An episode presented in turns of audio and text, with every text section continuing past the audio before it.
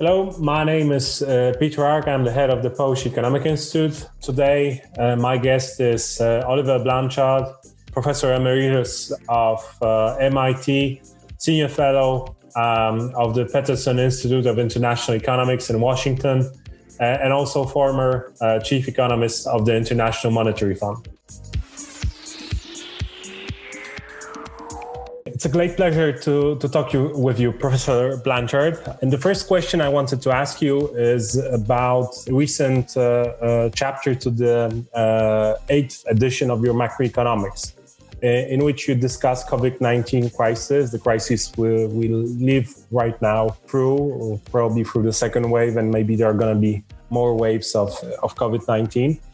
Um, when you de- when you're developing an analysis of the fiscal responses to the pandemic, you reflected on the question: Who spent better, uh, the United States or France?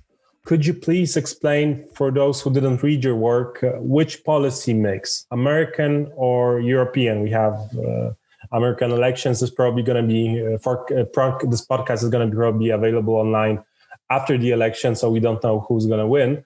Uh, what which response is more effective uh, as an immediate response to the crisis and, and why, in your opinion? Good. Well, I'm happy first to talk to you and then to answer your question. Uh, this this is a very different uh, recession from from any other. Right, there was this very very large, what we can think of as a supply shock, which closed part of the economy, and we had to do it uh, because of the worries about um, the uh, virus. And so what happened is that suddenly about 10 or 15% of the economy just closed down. And so the fiscal response really had to just protect the people and the firms which were directly affected uh, by the infection. So that goes from restaurants to uh, tourism to uh, air- airlines and so on. And I think most countries understood this, and in most countries, actually, uh, very strong spending help measures were taken.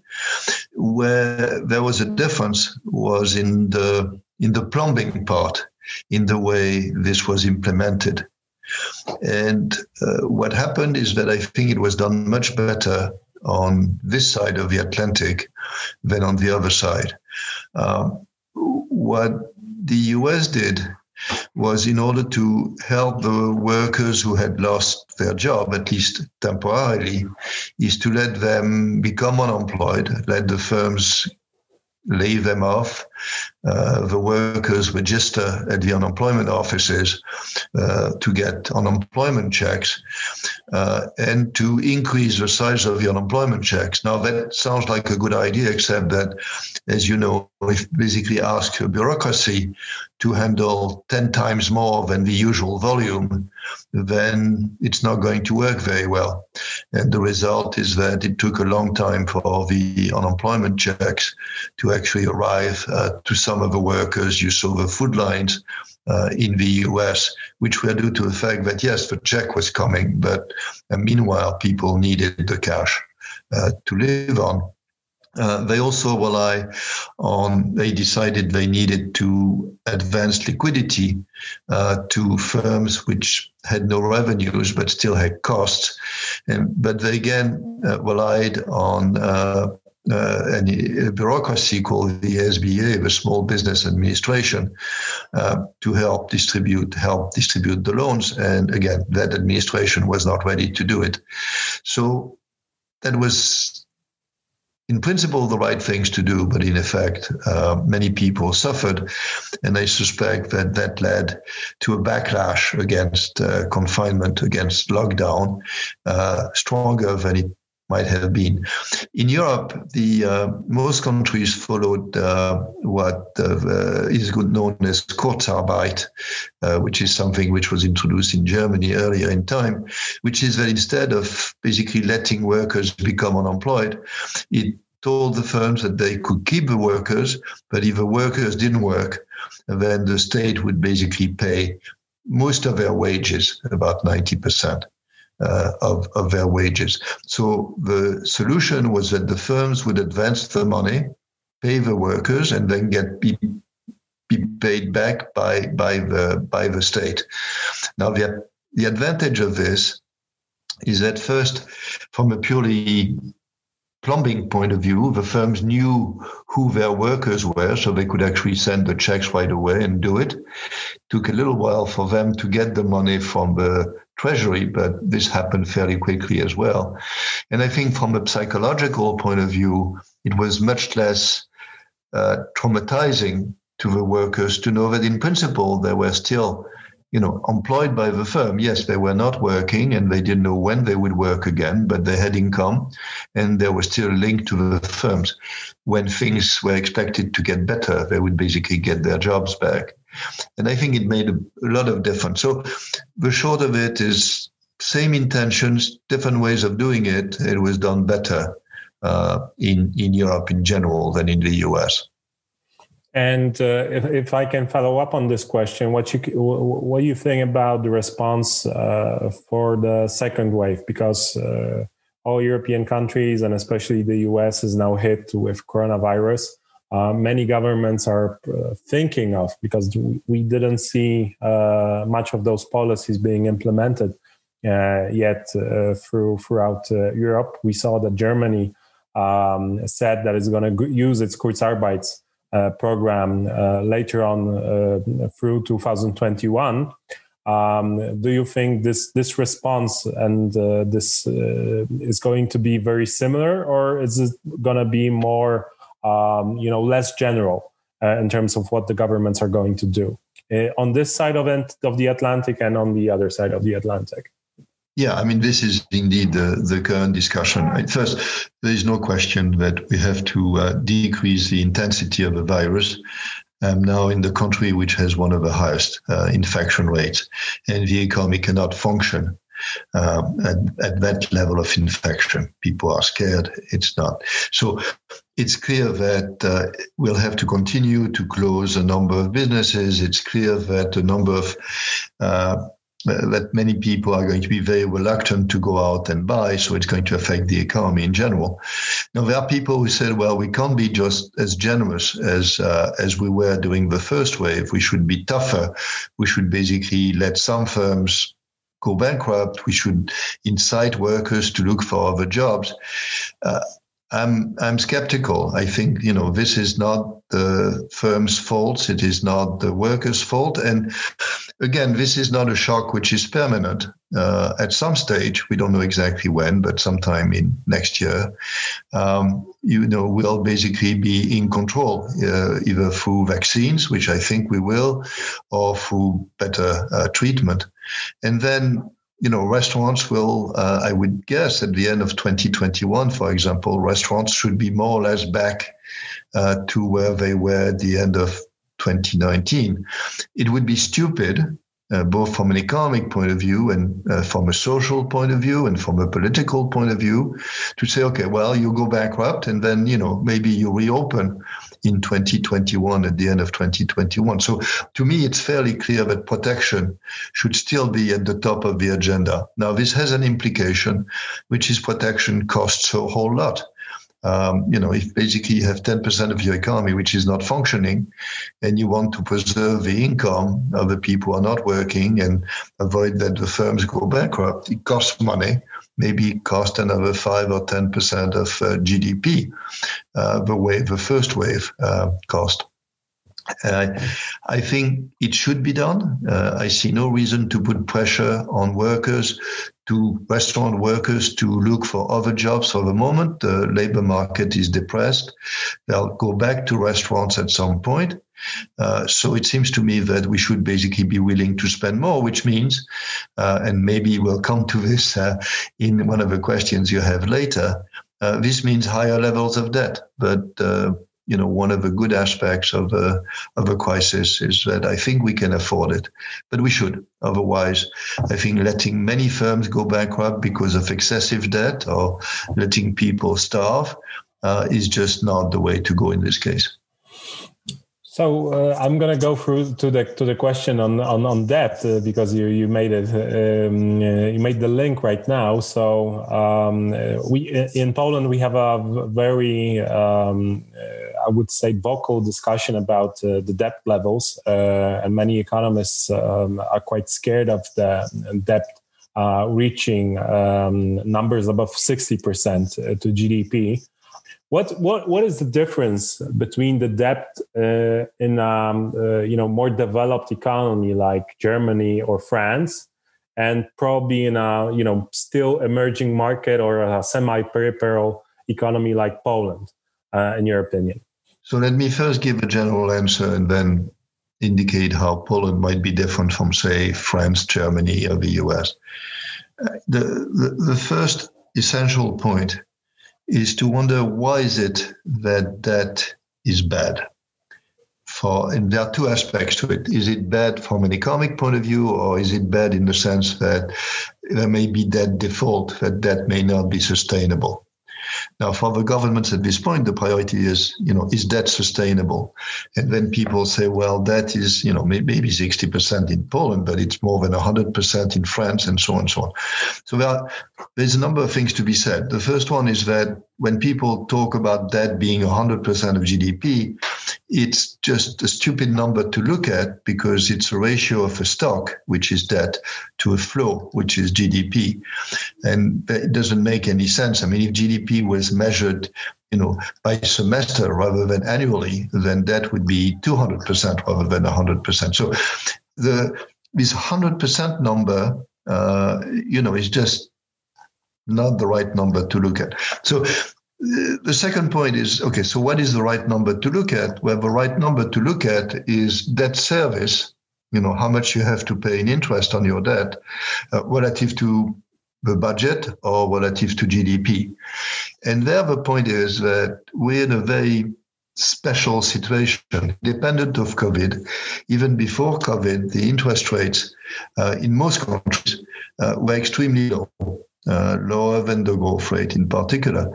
And what this means is that although debt levels are higher than they were a few years ago, debt service is actually much lower. Right? Why is it that debt service is the important thing? Because this is what the government has to finance. So if debt service is very high, then you need to increase taxes or decrease spending. Then there are political limits to what you can do. So a typical debt crisis is that the debt service is very high. The government just cannot either increase taxes or decrease spending. And the result is debt uh, default. Now, we are not anywhere close to a situation like this. The debt service is very low and can be financed. So the next question is well, maybe now it's low, but what happens in the future if interest rate increases? Because then if we have a lot of debt, debt multiplied by interest rates might be a big number.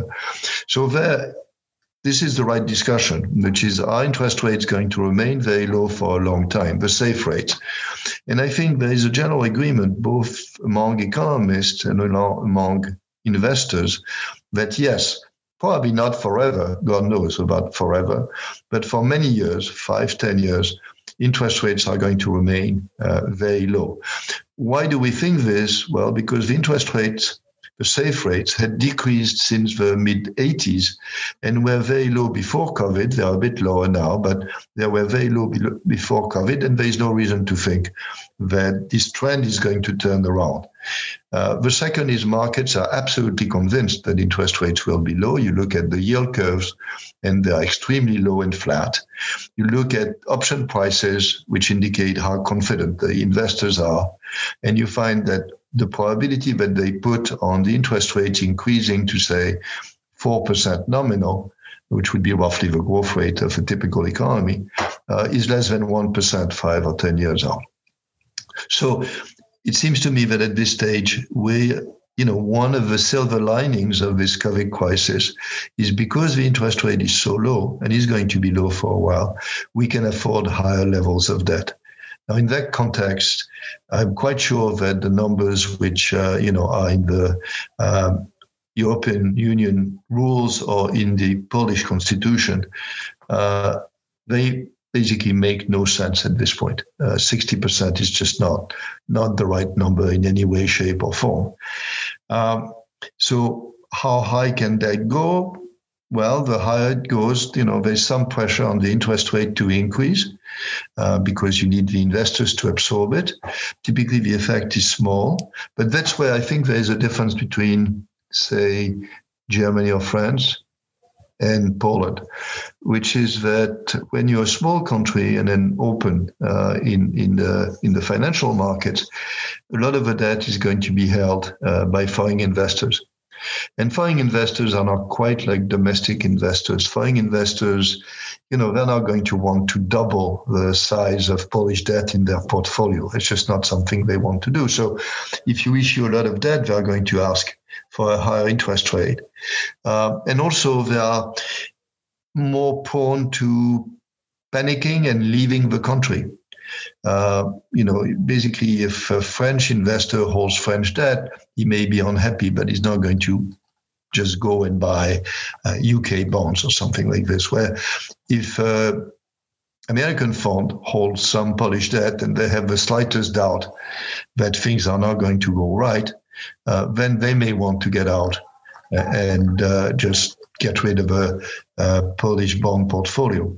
So I think the difference is that for countries like Poland, uh, or countries which have, I don't know what the proportion of foreign uh, held uh, bonds is in, in, in, in Poland. Uh, but in countries in which foreign investors play a big role, these countries have to be much more careful about the level of debt because the interest rate could increase rapidly and they may not be able to do much. They can get help from the IMF if it's really bad. Uh, but so again, uh, yeah, my message is there is room, I think, everywhere. I've not worked on Poland, so I don't know, but I'm willing to guess that you can go much higher than you are. Uh, but you probably cannot go as high as a country like uh, Germany or France or, uh, or the UK. Thank you. So it's about one third, as far as I remember. So at the end of 2019, it was the, the debt held by foreign investors was about uh, one third of GDP. So right. uh, and it's it was dropping uh, in the last year. So it was the number. Of but of, you know, I think one point about foreign investors is I don't think that they care so much about the, the level of debt. So if Poland was to go from 60% to say 80% of GDP, but the government was responsible. It was a clear response to COVID. It was not some you know, some crazy spending, right? I don't think that the foreign investors would care very much. However, they may care very much about who is elected. If they think that the government which is elected is, you know, going to do things in the future, then even if the level of debt is low, they might run. So, yes, there is a risk of a run, but I don't think it's directly related to the size of the debt. Okay, so I'm going to follow up because you you you uh, uh, you talked about the, the constitution too. I wanted to ask you this question uh, later on, but uh, Poland is among the very few countries uh, in the world actually to put a, a debt threshold of 60% of GDP in its constitution. Uh, right. Currently, thanks to very creative accounting on the on the official public debt of the state, uh, the number is below 60, so the, the government is actually in line with the constitution. But also, the, the general government debt is, uh, as presented in accordance with Eurostat statistics uh, and standards, is reaching 62% in, in this year, and probably even more if, if additional funding is going to be needed uh, to go through the, the, this autumn and uh, uh, approximately 64% um, uh, in 2021. Um, is it better to have a threshold uh, as this in the constitution and then creatively work around it because of the pandemic or the circumstance we are in, or to think uh, of you know changing the, the, the legislation? This is something many economists in Poland. Uh, we're talking about how the you know the rating agencies are going to see this if you have a threshold in the constitution and then you you work around it basically bypassing the law uh, because of the circumstance you are in. So, uh, is it better to have it and then bypass it in a in a um, in a situation like this, or could it be better to just to change the law in order to, for example, prepare for other, um, you know, unforeseen uh, crises? I think first it was incredibly unwise uh, to put a number in the constitution. That's a general remark. Uh, constitution should have principles, not numbers, because the numbers may turn out to be irrelevant, which is exactly the case now. So the question is, what do you do? Uh, you know, if you have numbers, then you should have escape clauses, the same way as the European Union had a rule, but an escape clause and has used it. Uh, if the escape clause is not there, I think the creative accounting uh, is uh, is not the solution. I mean, it is obvious today to me, again, not knowing much about Poland, that Poland could have 80% debt or maybe even 100% debt to GDP and be absolutely fine in terms of that sustainability and ability of the government uh, to finance the debt. So, to the extent that the 60% is binding, even if you can kind of uh, cheat and you know get it to 62 or 64 and so on and so on. It seems to me it's incredibly counterproductive.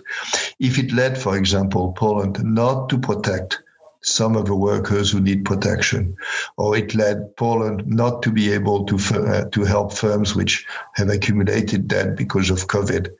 The economic cost of that constraint would be gigantic. So, you know, changing constitutions is not easy, but that's why you should be thinking hard about how you write it in the first place. And I think this was a major mistake. Uh, as, as you may know, I've just finished a paper on uh, European Union fiscal rules, in which I argue the same thing, although this is not in the constitution, but this is in the treaty. Uh, I argue that what there should be is a set of fiscal principles, and these could be in the constitution, maybe should be in the constitution, and they should say the government should behave responsibly and not accumulate debt that it cannot pay back, and so on. Right the exact wording we can discuss, but something like this. And then you set up, and I think you may have it, uh, an independent uh, fiscal board, you know, composed of non-politicians, uh, but specialists of uh, of, uh, of, fiscal policy, uh, academics or not, and you ask them each year to assess whether the government uh, is doing a responsible job or not. If it's not, then they can go to Parliament, and Parliament can say, "Well, you, you know, fiscal policy should be changed." You need a structure like this. The notion that you put a stupid number in a constitution and then you're stuck is a recipe for catastrophe. I hope you don't suffer too much from it. I hope I've been fairly clear in my view that that was a substantial mistake to start. Uh, yeah, the, the, the, I, I, won't agree. I, I also think that this number and this, uh, uh, for sure, there should be an escape clause uh, for a situation like this because the the the, the Constitu- constitution in case of Poland uh, imposes austerity at the, as as a way of decreasing the debt level uh, when it reaches this level this this amount. So in, in, a situation of this crisis, in the situation of this crisis, it's very counterproductive from object in, objectively. It's it's it's it's not. Uh, the point about escape clauses, you should have them, uh, but you should not have to use them all the time. What this means is that the rule uh, that this case allows to suspend has to be reasonable. If it is unreasonable and you have to invoke an escape clause all the time, then it becomes irrelevant and counterproductive, right? So it's not as if 60% plus an escape clause is the solution. It's not, because most of the time the 60% number is irrelevant for the reasons we discussed earlier, which is debt service is what matters, not the debt level. Okay, and um, I wanted to ask you about your recent paper. I saw your presentation uh, with Alvaro Leandro and uh, Jeromin Zettelmeyer um, a week ago.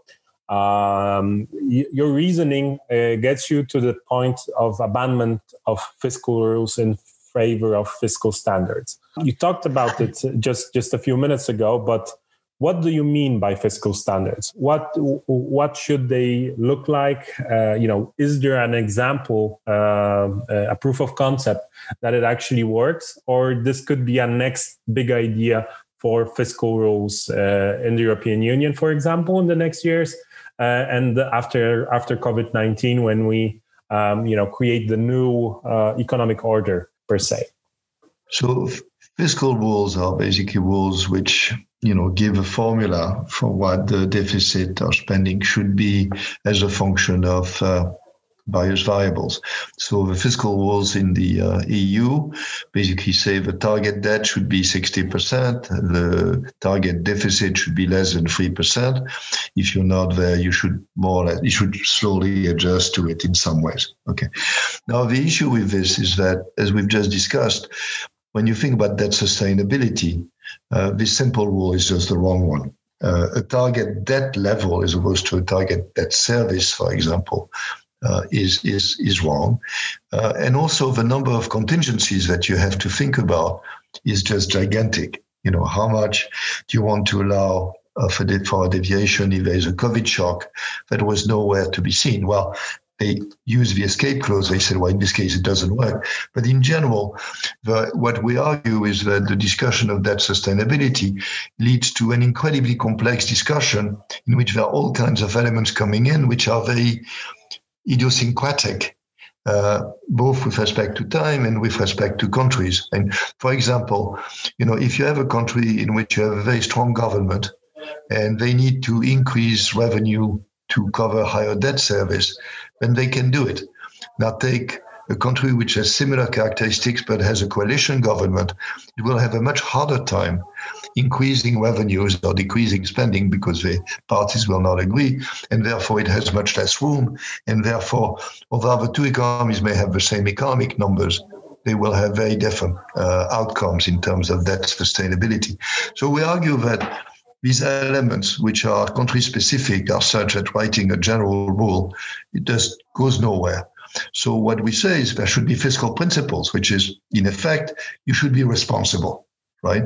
Now, that's a bit abstract. And so we say, well, the way to do it is to use a number of tools, but one of them is, uh, is known as the stochastic debt sustainability analysis, or SDSA, which tries to forecast what's going to happen to debt and what's going to happen to the deficit, to spending, to taxes over the next five or 10 years, taking into account the uncertainty associated with it. That's the important part because you can't just predict, you know, one number. You have to think that things can be better, things can be worse.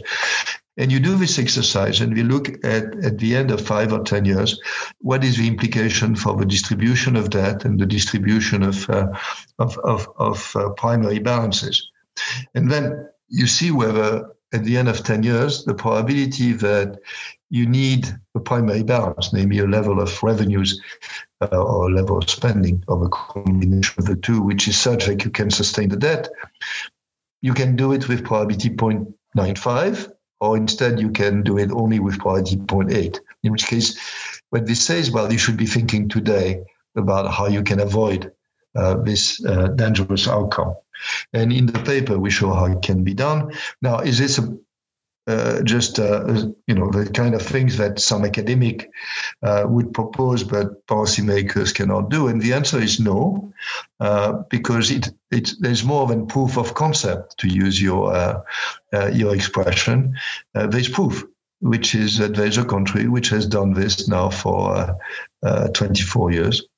yes, 26 years, which is New Zealand, and they have fiscal principles which say you should basically be responsible. They have a fiscal board, which does that kind of analysis and says, well, we're on track or we're not. We should be careful about this and that. And then they, they go to parliament and parliament discusses it. And if they think that there is danger, then they ask for a change and so on. It has worked. Now, New Zealand is a simpler place than the European Union, but I think there are a lot of lessons to be uh, to be had from that. The other example is outside of fiscal policy, uh, but for the European Union, uh, you would never do antitrust or competition policy based on a rule. You know, a rule would say, oh, any firm which is more than a thousand workers has to be divided in two That would make no sense. Everybody understands that. And so what's done in competition policy is that there are principles. Should you should try to avoid monopolies and so on and so on. And then you look, and in each case, each case is different. And you do the best you can. And then there's a decision.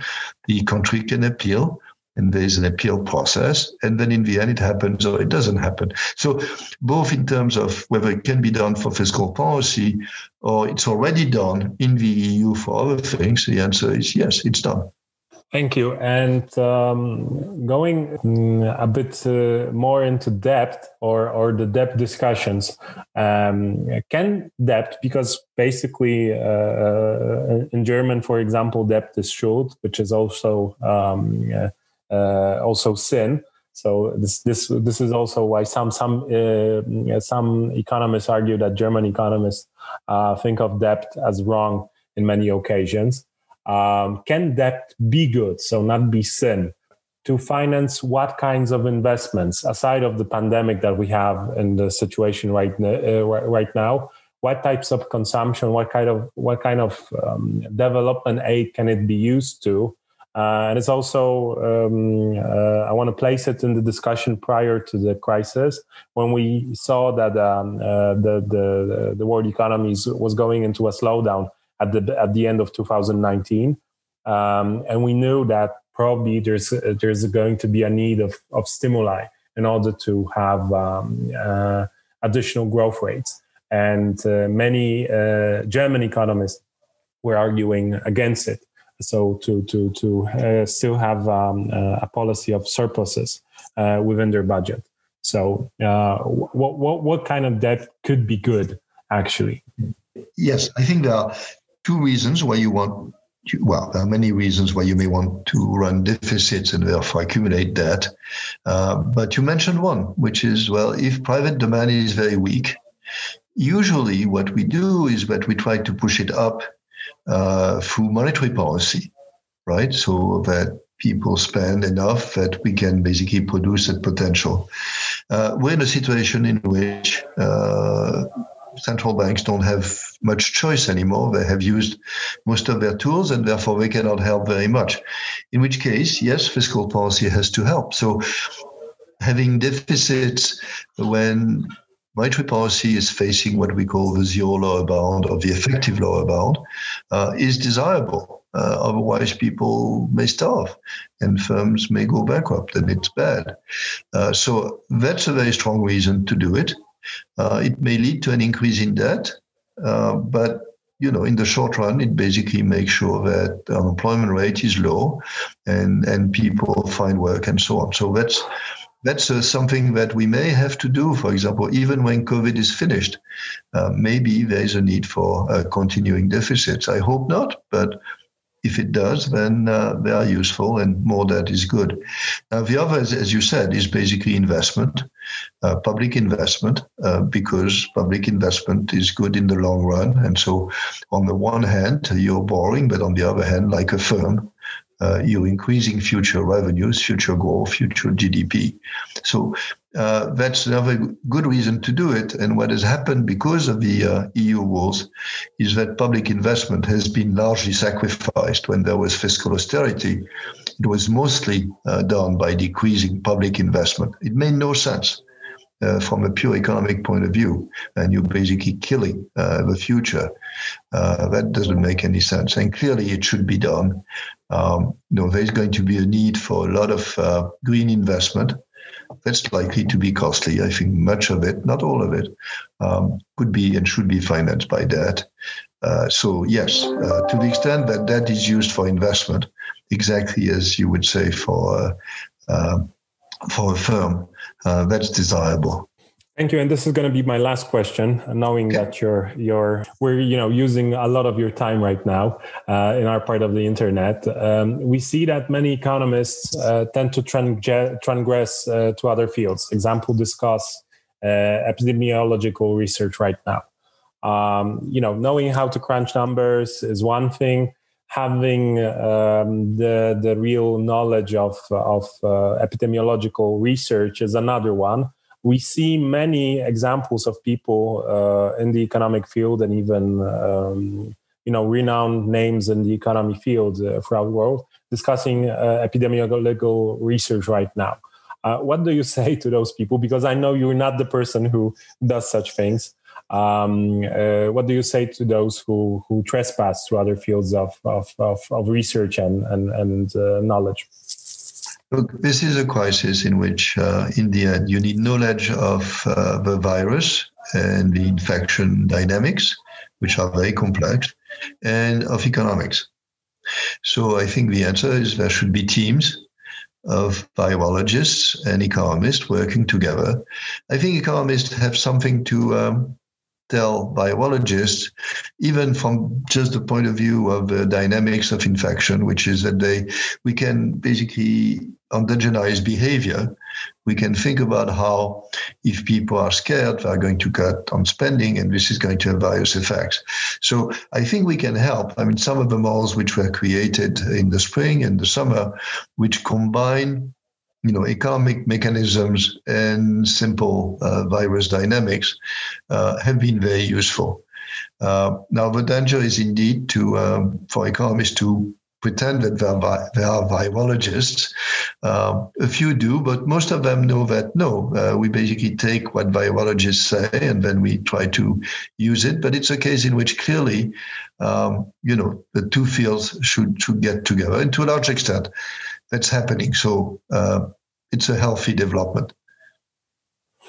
Okay, Professor uh, Blanchard, it was a pleasure to speak to you, to know you, uh, although well. via, uh, via uh, internet, um, to know you in person. I hope uh, sometime okay. in the near future. I don't know. Uh, we hope, and we wanted to visit Paris and France and Sorbonne this year. So uh, or we could meet uh, in the Peterson, Peterson Institute in Washington. Hopefully, um, when the pandemic ends and uh, the circumstances are, are better, um, it was a pleasure. Uh, so, uh, hope uh, you stay healthy, stay safe. And to everybody listening, also stay healthy, stay safe, listen to the authorities, and use the masks and other um, uh, things that you need to do and wash your hands, please, so you stay uh, healthy. So thank you, Professor. Thank you. Uh, love to speak to you anytime soon. Thanks. Okay. Bye.